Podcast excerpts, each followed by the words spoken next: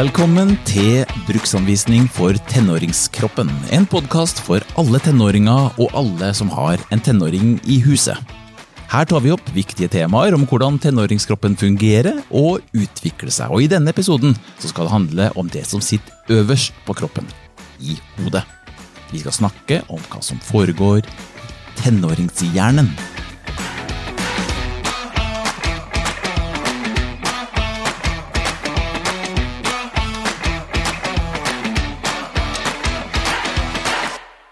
Mitt navn er Ole André Sivertsen, og før jeg introduserer episodens ekspert, så skal vi høre noen tanker om episodens tema fra tenåringa sjøl. Jeg har nemlig samla en ungdomsgjeng for å høre hva de tenker og lurer på om tenåringshjernen. Det kan hende at eh, voksne ser litt fortere konsekvensen av ting enn det vi gjør. Kanskje man forstår litt mer liksom, ting som skjer rundt seg. da. Man blir litt mer obs på sånt. Litt sånn humørsvingninger. Ja. Ja. Hvorfor har du det? Har du, er er det du, Jenny, som har mest humørsvingninger? Nei, jeg vet ikke, jeg. Eh, Blir du anklaga for det? Jeg blir anklaget for Ja, Spesielt av foreldrene mine, men ikke sånn veldig mye. Hei, Martha. Jeg heter Mikkel. og Kristin. Hæ? Jeg tror Marte. Det var ikke så veldig farlig, det. da. Det var liksom Vi bare fikk noen blikk. Og det var. Ja, Jeg kan bare høre noen ganger at noen ganger så er jeg veldig liksom, kald, og sånt, og andre dagen kan jeg være liksom veldig kjærlig. jeg vet ikke. Ja, kalle Jenny. Ja. ja nei, jeg har hørt det. ja. Hva, hvordan er du da, hvis du er kald? Jeg vet ikke. Det er jo sånn de Kanskje jeg liksom ikke svarer så i full setning, eller liksom ikke ser de i øynene, eller er litt sånn Dette var teit. Jeg vil ikke være her, eller noe sånt. da Kanskje litt sånn. Så du blir anklaga for å være teit, og så er det de som er de teite? Ja, jeg vet ikke. Det er veldig urettferdig. Ja, det her var Mikkel, Henrik, Jenny og Nora som demonstrerte litt om ja, hvor forvirra man kan bli, og hva som de føler kan være utfordringa noen gang med å ha en tenåringshjerne. Vi skal senere høre noen spørsmål de har formulert til dagens ekspert, som er hjerneforsker og forfatter Marte Roa Syvertsen. Velkommen. Tusen takk. Du har jo skrevet bøker, du. Eh, 'Menneskehjernen farlig og fantastisk'. Og så har vi 'Ungdomshjernen vill og visjonær'. Og det er jo to forskjellige bøker. Det må jo bety at menneskehjernen og ungdomshjernen ikke er helt lik. Eh, Stemmer det? Ungdomshjernen er jo også en eh, menneskehjerne, men det stemmer at det er en helt spesiell fase i hjerneutviklingen. Ja. For at den er ikke lik hele livet. Nei, hjernen forandrer seg hele tiden, hver eneste dag, også hos oss som er voksne, Ja. men det skjer ekstra mye når vi er tenåringer. Men altså, hvis du tar oss med da bare fra, fra altså, det første altså Barnehjernen den er jo eh, på en måte ubrukt, tenker jeg. Ja, det skjer utrolig mye i barnehjernen nå, bare tenk på hvor mye et barn lærer på veldig kort tid. Ja. Eh, og det viktige da er jo at eh, alle hjernecellene begynner å ta kontakt med hverandre, sånn at det dannes nettverk og stier i hjernen. Det skjer i massevis når vi er barn. Og så etter hvert så er det litt andre prosesser som overtar når vi blir tenåringer, da. Men øh, hvis det er så mange altså, forskjellige perioder av livet, betyr det at det kommer en bok om pensjonisthjernen etter hvert? Det er jo en kjempegod idé, egentlig, men eh, så langt har jeg ikke tenkt.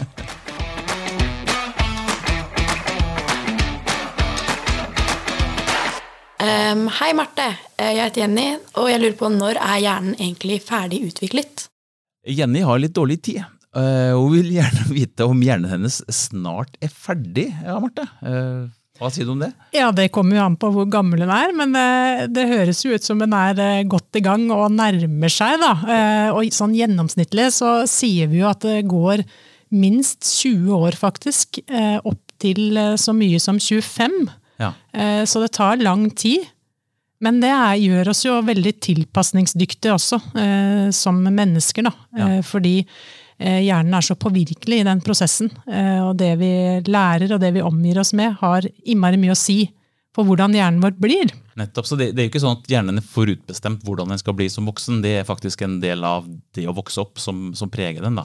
I veldig stor grad, men vi har jo genene våre òg, selvfølgelig, og en del sårbarhet eh, med oss, eller eh, styrker, eh, kommer an på hva det gjelder, Ja. med oss i genene. Men så er hva vi gjør, har kjempemasse betydning. da. Bare tenk på alt du øver på som du blir god til. Det er jo fordi du har gjort det, og ikke fordi det lå i genene dine. Ja, ikke sant? Men altså, La oss starte med barnehjernen da, som et utgangspunkt. for Du, du, du sa det at det, eh, da er det koblinger mellom eh, nervecellene i hjernen som starter. Men hva er det som gjør at en kobling blir til da, opprinnelig? Hva er det som gjør at hjernen utvikler seg? Noe av det går jo nærmest av seg sjøl, fordi det er programmert. Det er ferdigprogrammert. Eh, at vi begynner å se og fokusere blikket når vi er helt veldig, veldig små. Ja. Um, men så handler det jo i stor grad om bruk, altså. At vi må gjøre ting for at disse forbindelsene skal danne seg. Det er jo egentlig det som er læring i mikroskopet, at det danner seg en link mellom to hjerneceller. Så vi, har skikkelig skikkelig mange hjerneceller når vi blir født. Faktisk eh, det aller største antallet hele livet. Ja. Så det er ikke antallet det går på, men Nei. hvordan de snakker med hverandre. Men da starter det også da med eh, de første tingene som jo er å kjenne igjen ansikter, og så lære noen lyder, og så skal du gå, og så skal du det. og da, da er det, Dette handler om rett og slett å koble sammen forskjellige deler av hjernen. Ja, Sånn at man får stier hvor det kan sendes signaler fra et sted til et annet. Og så videre ut i kroppen, da, sånn at dette blir utført. Eksempel, når man skal gå, så må det jo gå noen beskjeder ned til beina. For eksempel. Ja, ikke sant? Du må både ha tenkt det, du må se det, og du må utføre det i musklene. ja. Men altså, dette her, er- jeg ser jo bare levende for meg at dette må bli fryktelig komplisert etter hvert. Alt det man gjør og lærer og hører og ser. Og, og eh, det blir fryktelig mange koblinger. Ja, Det er jo derfor det er så gøy å jobbe med hjernen. for det er jo, Kommer vi noensinne til å forstå alt dette her? Jeg er usikker, og kanskje er det en god ting. Eh, Men ja, du, det er antall mulige koblinger. 90 milliarder ganger 15 000 eller noe sånt. Oi, ja, ikke sant. Men, men, eh, men altså, eh, hva er det da som skjer fra barnehjernen til ungdomshjernen? Ja, eh, og det er veldig spennende, for da er det litt sånn motsatt prosess, egentlig. Da har vi begynt å danne masse, masse koblinger gjennom eh, oppveksten, og det skjer fremdeles veldig kjapt i en ungdomshjerne. Ja.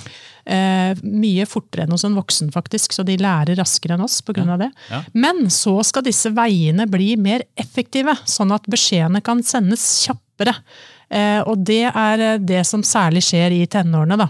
Eh, at signalene går fortere enn hos et barn. Ja, riktig. Det, ja. Men er det sånn, men er det sånn at du blir bra på noe, men dårligere på andre ting? Eller hvordan er det da? Altså, noen ting blir man veldig god på, mens andre ting blir man dårligere på? ja, det som skjer i den fasen, det er jo typisk det at de nettverkene som du bruker, de blir til motorveier. Ja. Eh, og så er det de stiene da, som du kanskje ikke har gått så mye på, Ja. de blir borte og frisert bort, rett og slett.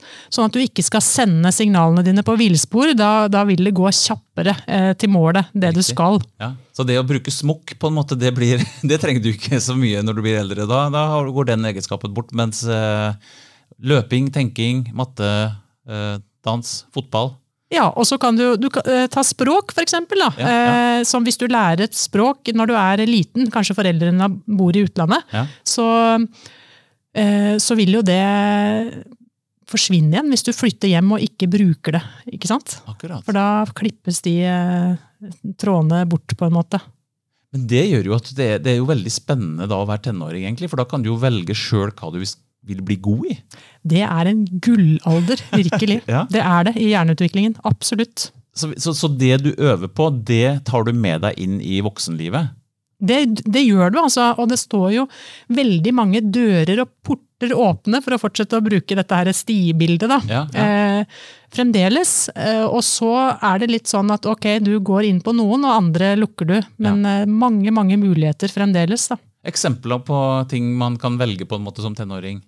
Er helt typisk må jo være type ferdigheter og sport, eh, for eksempel. Fysiske ting. eh, Instrument, lære seg et instrument. Ja. Eh, også igjen nye språk. eh, Alt som blir gjort på skolen.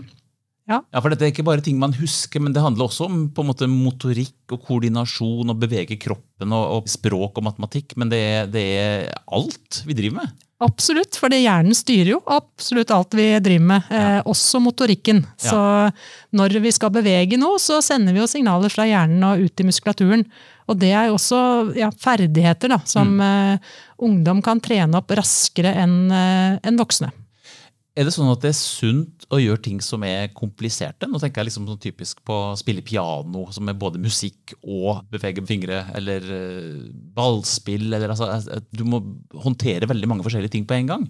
Ja, da, det er veldig veldig god hjernehelse både for ungdommer og egentlig alle oss andre også. Ja. Fordi da danner du jo nye forbindelser mellom nervecellene dine når du utfordrer deg selv på den måten. Da, og gjør noe som er litt vanskelig for deg.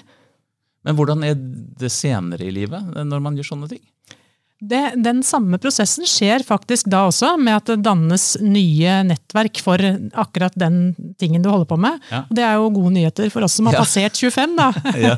Men vi trenger ofte litt lengre tid enn ungdommene, vi. Vi må ha flere repetisjoner for at forbindelsene skal bli kraftige og varige. Eh, Så de har en fordel. Det er ikke bare det at de lærer kjapt eh, nye dingser og greier. eh, Er, kan være litt irriterende, men det er jo ja, ja, ja. biologiske grunner til det. altså. Riktig. Mm. Men alt er ikke tapt, selv om ikke du lærer det som tenåring. Heldigvis klarer vi å huske nye ting eh, som voksne også.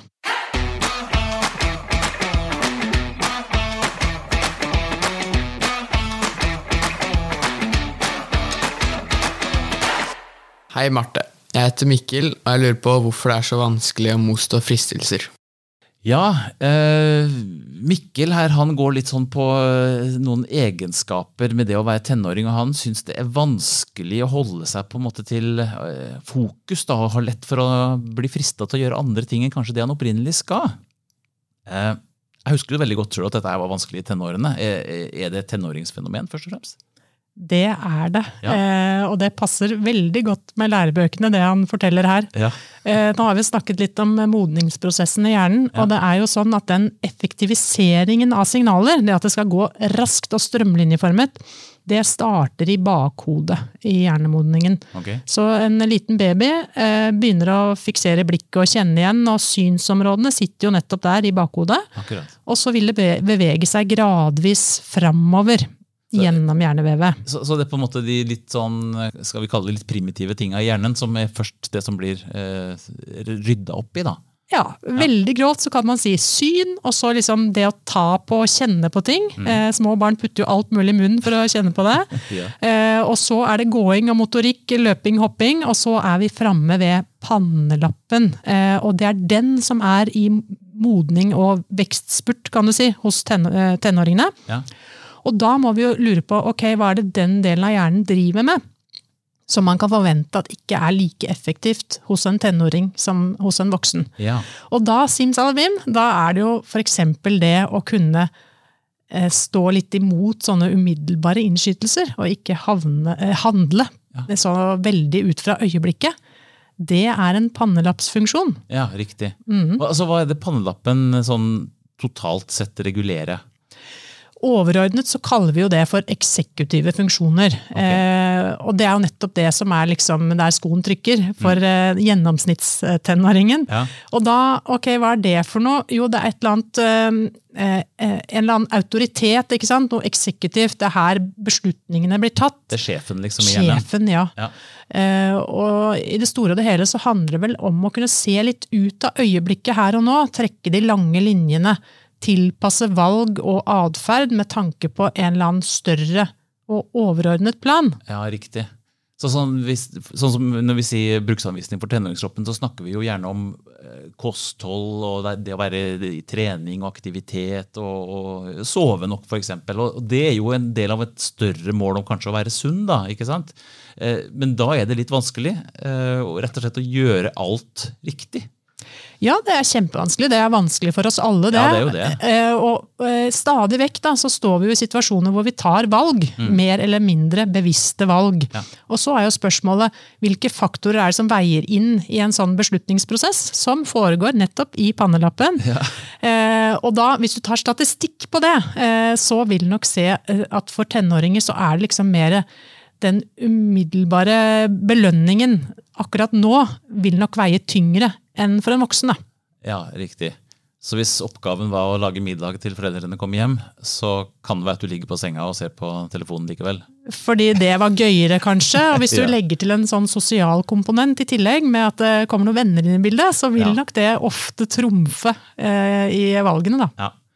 Men det kan jo være sånne ting som, som det å, å se, se at man har bestemt seg for å eh, spise smart, da, f.eks.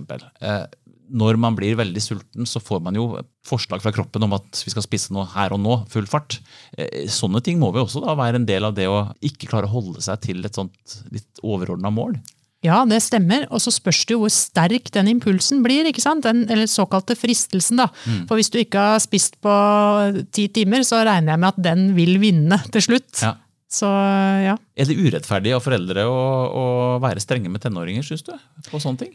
Det kommer vel an på hva det gjelder. Eh, og jeg tenker at det å vite hva som skjer, og ha kunnskap i de modningsprosessene som foregår i alle tenåringshjerner, det gir jo litt eh, sånn eh, grunnlag for å skjønne hva som kan være lurt og ikke lurt. da. Ja, ikke sant? At man forstår rett og slett at dette er et konsekvens av at man faktisk har en tenåringshjerne. Ja.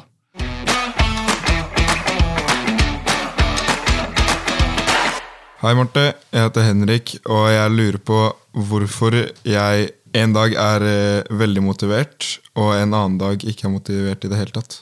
Ja, motivasjon. Eh, ligger det litt i samme gata? Er det, er det, kontrolleres det eh, av det samme fokuset og, og pannelappen som du snakka om?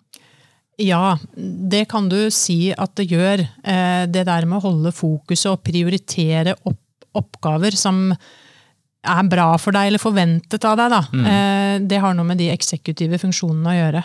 Å få mobilisert selv om du kanskje har en dårlig dag eller er litt giddaslaus mm. akkurat da. Men egentlig så er det i teorien lettere å motivere en ungdom enn en voksen, for det er noen forskjeller der også. Ja. Eh, og det går på hjernens belønningssystem. Jaha. Og det er jo egentlig designa for å motivere oss til å gjøre ting som er bra for arten. da. Ok, eh, typ ja. spis når du er sulten, og ja, eh, forelskelse og samvær med andre. Alle sånne ting som gir en veldig god følelse. Ja. Det er belønningssenteret. Og det motiverer oss jo til å gjøre mer av den tingen. Eh, og dette senteret, eh, det er mer aktivt hos ungdommer. Akkurat. Det reagerer sterkere, rett og slett. Så man får mer belønning når man gjør en ting, da. Og det vil jo kanskje motivere til å gjøre det på nytt. Ja, Men det vi tenker er jo også, da, da kan jo det også skape mer forvirring. For da blir du så lett motivert for nye ting hele tida. Det er sant, faktisk. Og der kommer jo de eksekutive funksjonene inn igjen, som er liksom det fokusgreiene. For å kontrollere det. Ja, ja, og sile bort det som kanskje ikke var så lurt, men som var fristende. Nettopp. Men, men jeg tenker jo det å være umotivert og giddalaus, da, det òg er jo en del av det å være tenåring, føler jeg. Ja, det føler jeg òg. Litt sånn eh, eh, klisjé, nesten. Men eh, ja, det handler vel noe om den der mobiliseringa og igangsettingen, kanskje det, da. Ja, Eh, tiltaket, liksom. Tiltaket, ja. Og hvis du setter det veldig på spissen, og tar en person som har fått helt ødelagt pannelapp, Ja. altså som har, eh, ikke har noe særlig funksjon der i det hele tatt, det kan være en eh, ulykke f.eks., eller lobotomi, ja. som jo handla om å ødelegge inni der. Gamle behandlingsmetoden som ikke er spesielt populær i 2023. Heldigvis ikke. Det ble gitt nobelpris for den, faktisk. Men det er en annen podkast. de blir jo helt uh, tiltaksløse, ikke sant? Ja. For det var jo derfor lobotomien ble populær. Ja. Fordi at uh, de ble jo sittende helt stille. Uh, Som før hadde vært overaktive, f.eks. ja, ja, og aggressive og sånn. Ja. Så det er noe med igangsetting og initiativ og komme i gang også, som er knyttet til disse eksekutive funksjonene. Nettopp. Men det, må jo være en, det er jo en kilde til konflikt, f.eks. i en familie. da. Nettopp at man i ene øyeblikket er skal si, overaktiv og supermotivert for alt, og så neste så er du giddasløs og ikke egentlig klarer å komme i gang med noen ting. For det er jo ofte noen rundt deg som gjerne vil at du skal gjøre noen ting òg. Ja, eh, og det er vel kanskje de store endringene som kan være kilde til frustrasjon òg. At det kan forandre seg så veldig. Ja. Eh, Og akkurat nøyaktig hva det handler om, ja, kanskje vanskelig å si, men det er vel noe med dette å være her og nå, da. Mm. Og det er jo noe vi voksne også gjerne prøver å få til, og misunner litt. Ja. Men det er jo ungdom naturlig flinke til, fordi at de der eh, lange, fremtidsrettede linjene er under konstruksjon fortsatt. Ja. Men så, du holder jo på å bli voksen nå, så jeg tenker jo at på et eller annet tidspunkt så har du jo lyst til å mene noe, kanskje mene noe annet enn foreldrene dine. Så det er jo, der òg kan det jo komme en sånn konfliktsituasjon, nettopp fordi at ene øyeblikket så er foreldrene irritert for at ikke du gjør nok, mens neste øyeblikk så mener du noe annet enn dyret, faktisk. Ja, det er jo en biologisk prosess, den Ja. løsrivelsesprosessen. Ja. Det er jo ikke meninga at vi skal høre til foreldrene våre hele livet. Det er jo ingen dyr som bor med foreldrene sine hele livet. Nei, riktig. Så det er rett og slett en, en, en konkret utvikling i hjernen. Det er ikke bare at de begynner å bli drittlei foreldra. Ja, det er vel begge deler, og sånn skal det jo være. Det er jo helt naturlig.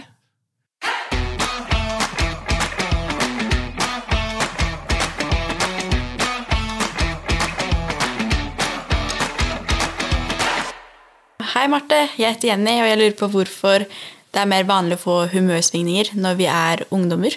Ja, Jenny her eh, føler at hun går litt opp og ned i humør. Er det, er det sånn? Ja, Ja.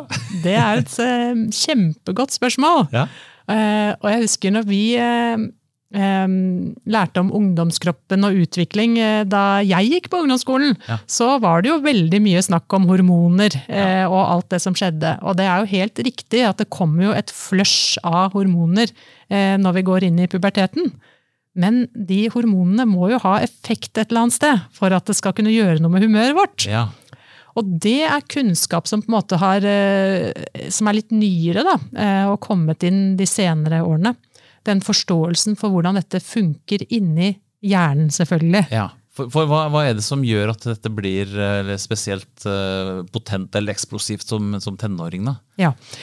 Inni hjernen så har vi jo følelsesområdene, som er liksom gamle og sitter dypt i hjernen. Gamle, da tenker jeg på eh, sånn evolusjonsmessig, da. Ja. Eh, Det er liksom instinkta våre, nesten. det. ja, det er det egentlig. Ja. Eh, sinne, frykt, aggresjon, tilknytning, glede. Alt, både godt og vondt, Ja. finner man der. Og dette systemet her, det står liksom og skriker etter hormonene. da.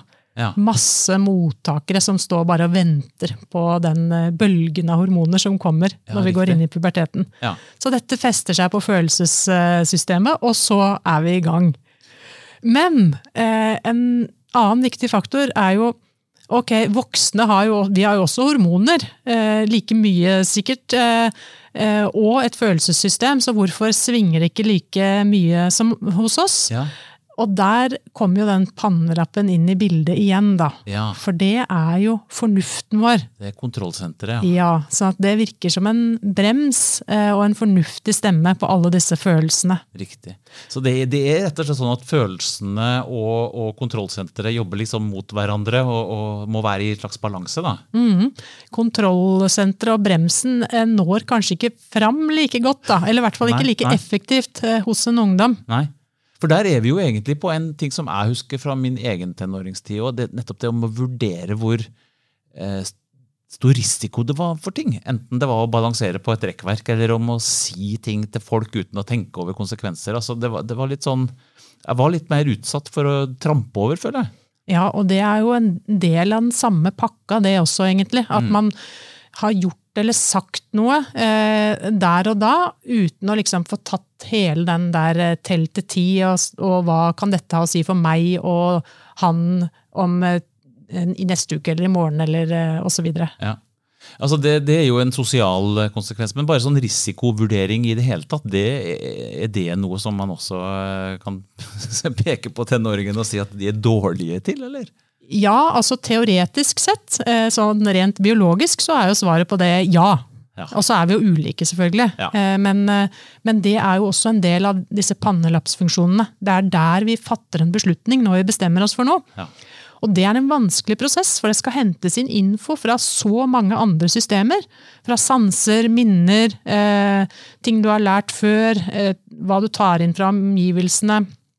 Em, og så den konsekvenstenkningen også som skal inn der. Og prøve å tenke sånn, se det i en større sammenheng. Og plutselig har vi tatt et valg, og så var det kanskje en eller annen komponent i det valget som fikk veie tyngre enn den burde. Eh, hos ungdom så har det en tendens til å bli en på gruppebasis. ja. ja. eh, sosial tilhørighet, venner, eh, og liksom den belønningen akkurat nå. Den fra belønningssenteret. Sånn yes, god følelse. Nettopp. For å oppsummere, da. eh, Overgangen fra barn til voksen det er en liten eh, ombygging i hjernen. Men det er noen som kaller det for stengt under ombygging, bare for å være liksom litt eh, frekke mot tenåringer. da. Er det, det er ikke stengt. Nei, jeg er helt imot det utsagnet, egentlig. Jeg Ja. pleier å si under oppbygging isteden. Ja. For det blir jo stadig og gradvis bedre og bedre. Ja, nettopp. Og så er det jo litt lettere å bære de nedturene, for det kan, det kan jo gå litt opp og ned i følelseslivet for en tenåring, nettopp fordi, eh, blant annet må vi si, fordi at hjernen er i denne fasen. Ja. Eh, kanskje litt lettere å bære det hvis du vet at dette er en del av det å være tenåring. Det tenker i hvert fall jeg, og at det er en utvikling som går liksom framover og videre nesten uansett hva man gjør. da. Ja. Så må man jo huske at det, det går an å spørre om råd og hjelp. Det er kanskje det viktigste. Vi er jo tross alt noen her som har vært igjennom dette her. Eh, tusen takk for at du var med i studio, eh, Marte Roa Syvertsen, for å fortelle om litt av alt det som skjer i ungdomshjernen. Vil du som hører på vite mer, så kan jeg anbefale boka til Marte, 'Ungdomshjernen vill og visjonær'. Også takk til Nora, Jenny, Mikkel og Henrik som var med i Tenåringspanelet. Jeg heter Ole André Sivertsen og har skrevet boka 'Bruksanvisning for tenåringskroppen', hvor du finner mer om dette temaet og annen nyttig info om hvordan trening, mat og søvn påvirker kroppen din. Både bokprosjektet og denne podkasten er laga av Filiokus Media i samarbeid med Sunn idrett i Norges idrettsforbund. Tusen takk for denne gang, og på gjenhør.